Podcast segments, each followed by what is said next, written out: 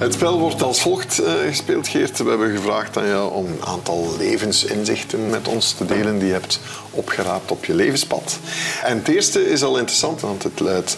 Mensenrechten zijn even belangrijk, of zelfs nog belangrijker, dan het verkeersreglement. Het, het respect voor mensenrechten is eigenlijk gebaseerd op twee belangrijke punten, vind ik. Dat is verantwoordelijkheidsgevoel en gemeenschapszin. En als die twee ontbreken bij degenen die uh, een beroep doen op de mensenrechten, is het een hol document.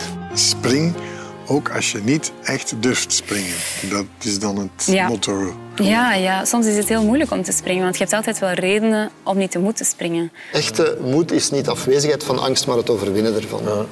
En dat vind ik belangrijk. Ik leef trouwens van dag tot dag. Hè. Dat zo? is, ja, ja, ik, ik zie morgen wel wat er komt. Dat is ook een inzicht met wat ik heb meegemaakt. Ehm, elke dag is een cadeau. En dus eh, elke dag leef ik alsof het mijn laatste dag zou kunnen zijn.